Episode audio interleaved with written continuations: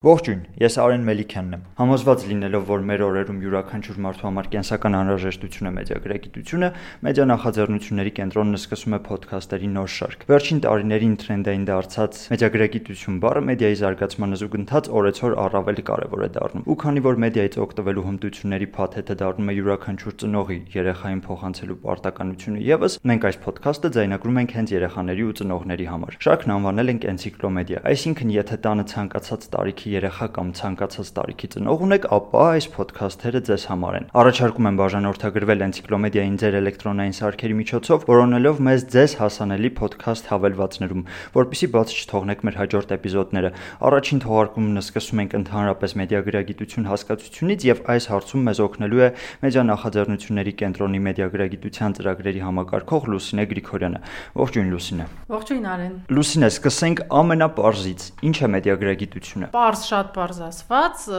դա ինչպես խանութ մտնելիս, ասենք, կատնամթերքի փաթեթավորումը եւ ժամկետը ստուգելն է, այնպես էլ մեդիան սպառելիս ուշադրություն դարձնելը արտադրողին, այսպես ասած, ով է ստեղծել այդ կոնտենտը, այդ բովանդակությունը, երբ է ստեղծվել, ում համար է նախատեսված, ինչպես է փաթեթավորված, այդ ամեն ինչի մեջ ինչ մանիպուլյացիաներ, խնդիրներ կարող են լինել, այսինքն քննադատորեն ընկալել այն ամենը, ինչ որ հասնում է մեծ մեդիայից, իսկ մեդիան շատ լայն է, դա միայն հերոստացույցը չի, ինտերնետն է, դա գովազդային պաստառներն են, որ ամեն քայլափոխին մեզ հետապնդում են։ Փորձում ենք տարածելով մեդիագրագիտությունը օգնել սպառողներին մի քիչ ավելի հարցեր տալով ու քննադատորեն սպառել այդ ամբողջ ինֆորմացիան։ Երեխային գրագետ դարձնելուց բացի դպրոցն ունի այս առաքելությունը նաև մեդիագրագետ դարձնելու երեխային համաձայն եք։ Այո, որովհետև դպրոցում երեխաները այսօր սովորում են ընդհանրապես պետք է սովորեն առնվազն շատ տարբեր հմտություններ, որ կյանքի համար անհրաժեշտ են։ Նաև մեդիագրագիտությունը պետք է տեղ ունենա, գուցե պարտադիր չի, որ դա անպայման լինի առանձին առարկա, դա կարող է նաև ներառված լինել պատմության մեջ, լեզուների մեջ, անկամ ֆիզիկայի ու մաթեմատիկայի մեջ դրա փորձը աշխարհում կա եւ կարելի է նայել, կիրառել, համադրել տարբեր մեթոդներ։ Մեդիագրագիտություն դասավանդում են նաև Վանաձորի դպրոցներից մեկում ու թեև ուսումնական տարին նոր է սկսել, կարծես թե արդեն հասցրել եմ որոշ բաներ սովորել։ Ես առաջարկում եմ հիմա տեղափոխվել Վանաձոր համար 11 ավագ դպրոց ու այնտեղ զրուցել մեդիագրագիտություն դասավանդող ուսուցչի Վարդուհի Պետրոսյանի հետ։ Ով է մեդիագրագետ մարդը։ Այն մարդը ով ինֆորմացիա է տալիս։ Էմիլիան այս մարդը գիտի ինչպես ճիշտ օգտվել ես է։ Ես էլ եմ ճիշտ դիաբետել եւ այն հաստված ինֆորմացիա։ Ճիշտ ընտրել ոնց ճիշտ մեդիան, նո ճիշտ ինֆորմացիան, կարողացա տարբերակել։ Անցնականում ինչ են իրենք ան բլոգի բացելը, վարելը, կարների ճշտելը, իրականային թե իրական չէին, կայքերի հետ աշխատելը, հույզով մի քանի փորձ արել ենք, որ տեսնենք կայքերը նորմալ կայքեր են, արժի տեղ գրած ինֆորմացիային վստահել թե ոչ։ Գույներով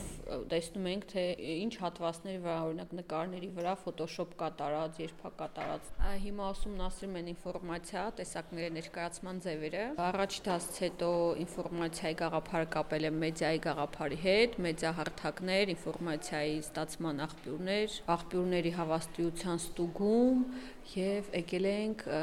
կարդացած հոդվածների կամ նյութերի ինչ որ կհանդիպի մի քիչ ավելի քննադատաբար մոտենան, վերլուծեն, հետո նոր հասկանան դա իրանց պետք էր, պետք չէր, արժե ներկայացնել թե չէ։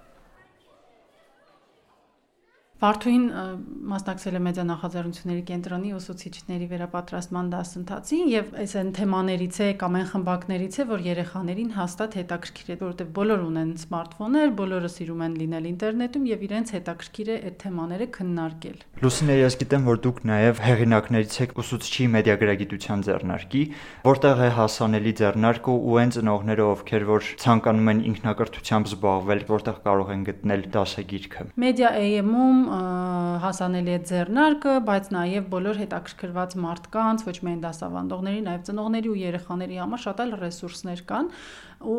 ովքեր ուզում են մի քիչ ավելի լավ հասկանալ դա ինչ է, մի քիչ ինչ որ բաներ փորձարկել, կարող են այդ կայքը մտնել, կարդալ հոդվածներ հետաքրքիր, նաև կայքի ներքևում կտեսնեն հղումներ դեպի 3 տարբեր խաղեր, համակարգչային կրթական խաղեր, որոնք տարբեր տարիքային խմբերի համար են Որ տարիքից սկսած ծնողները պիտի սկսեն մտածել իրենց երեխային մեդիագրագետ դարձնելու ուղղությամբ։ Վերջերս մի կոնֆերանսի այ հենց այդ թեմայով խոսում էի ամերիկացի գործընկերներից մեկի հետ, Շերի,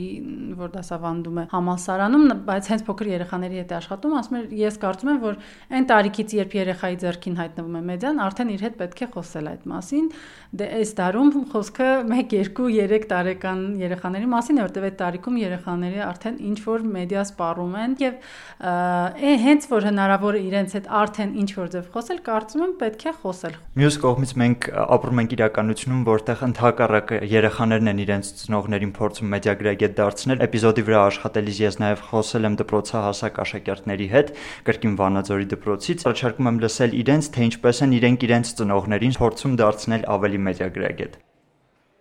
papan այդքան չէ, բայց մաման շատ պանիկյուր է ու ինչ նյութ կարդում է, մի անգամից մտածում եմ, որ վայ, էս ինչ եղավ, շատ վատ է եւ այլն։ Այլ ամենաշատը ասում եմ ուշադրություն դարձրա նախ ամսաթվին, շատ ժամանակ կար ամսաթիվը նշված չի լինի, ինքը ինչը իմ կարծիքով հենց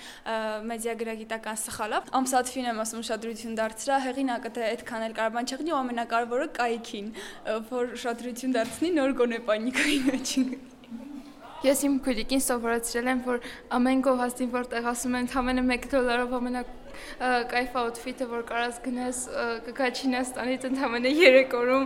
ու դու դասավկայի գումար չես վճարի ոչ մի բան, այդ սուտա մի հավատա ու դու մի դոլարով դա չես կարող պատվիրես, դու հենց քարտիդ համարը տվյալները գրես քո գումարը կքաշի կամ պատվերը ուղակի չի գա, կան նորմալ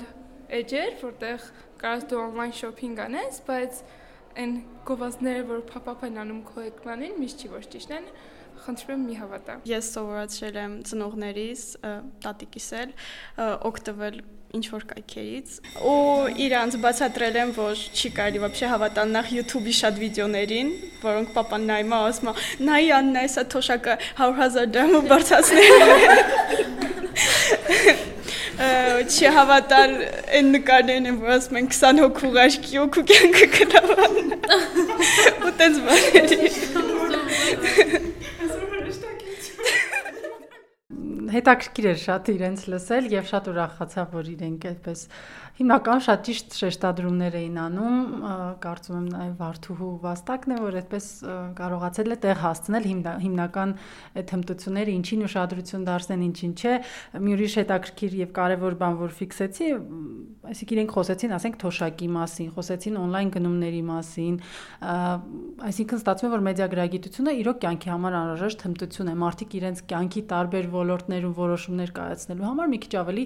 մեդիագրագետ պիտի լինեն։ Խոսքը միայն միայն տեղեկությունների,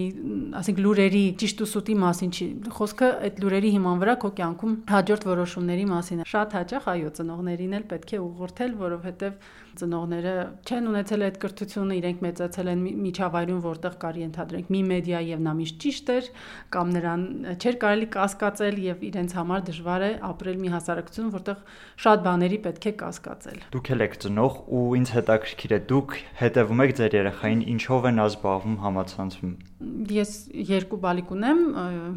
4 եւ 8 տարեկան իրենք առանձին ինքնուրույն չեն լինում համացանցում սովորաբար մուլտեր են դիտում YouTube-ում, որոնք մենք ենք միացնում եւ փորձում ենք հետեւել, այո, թե ինչ են դիտում, երբեմն ուղղորդել, երբեմն արգելել ինչ որ բաներ, որովհետեւ ենթադրենք 8 տարեկան աղջիկս կարող է ամեն դեպքում ինքնուրույն շրջել ալիքը, փոխել YouTube-յան ալիքը եւ հայտնվել, ասենք, թինեյջերական ինչ որ աղջիկական ալիքներում, որտեղ վտանգներ չկան երևի թե, բայց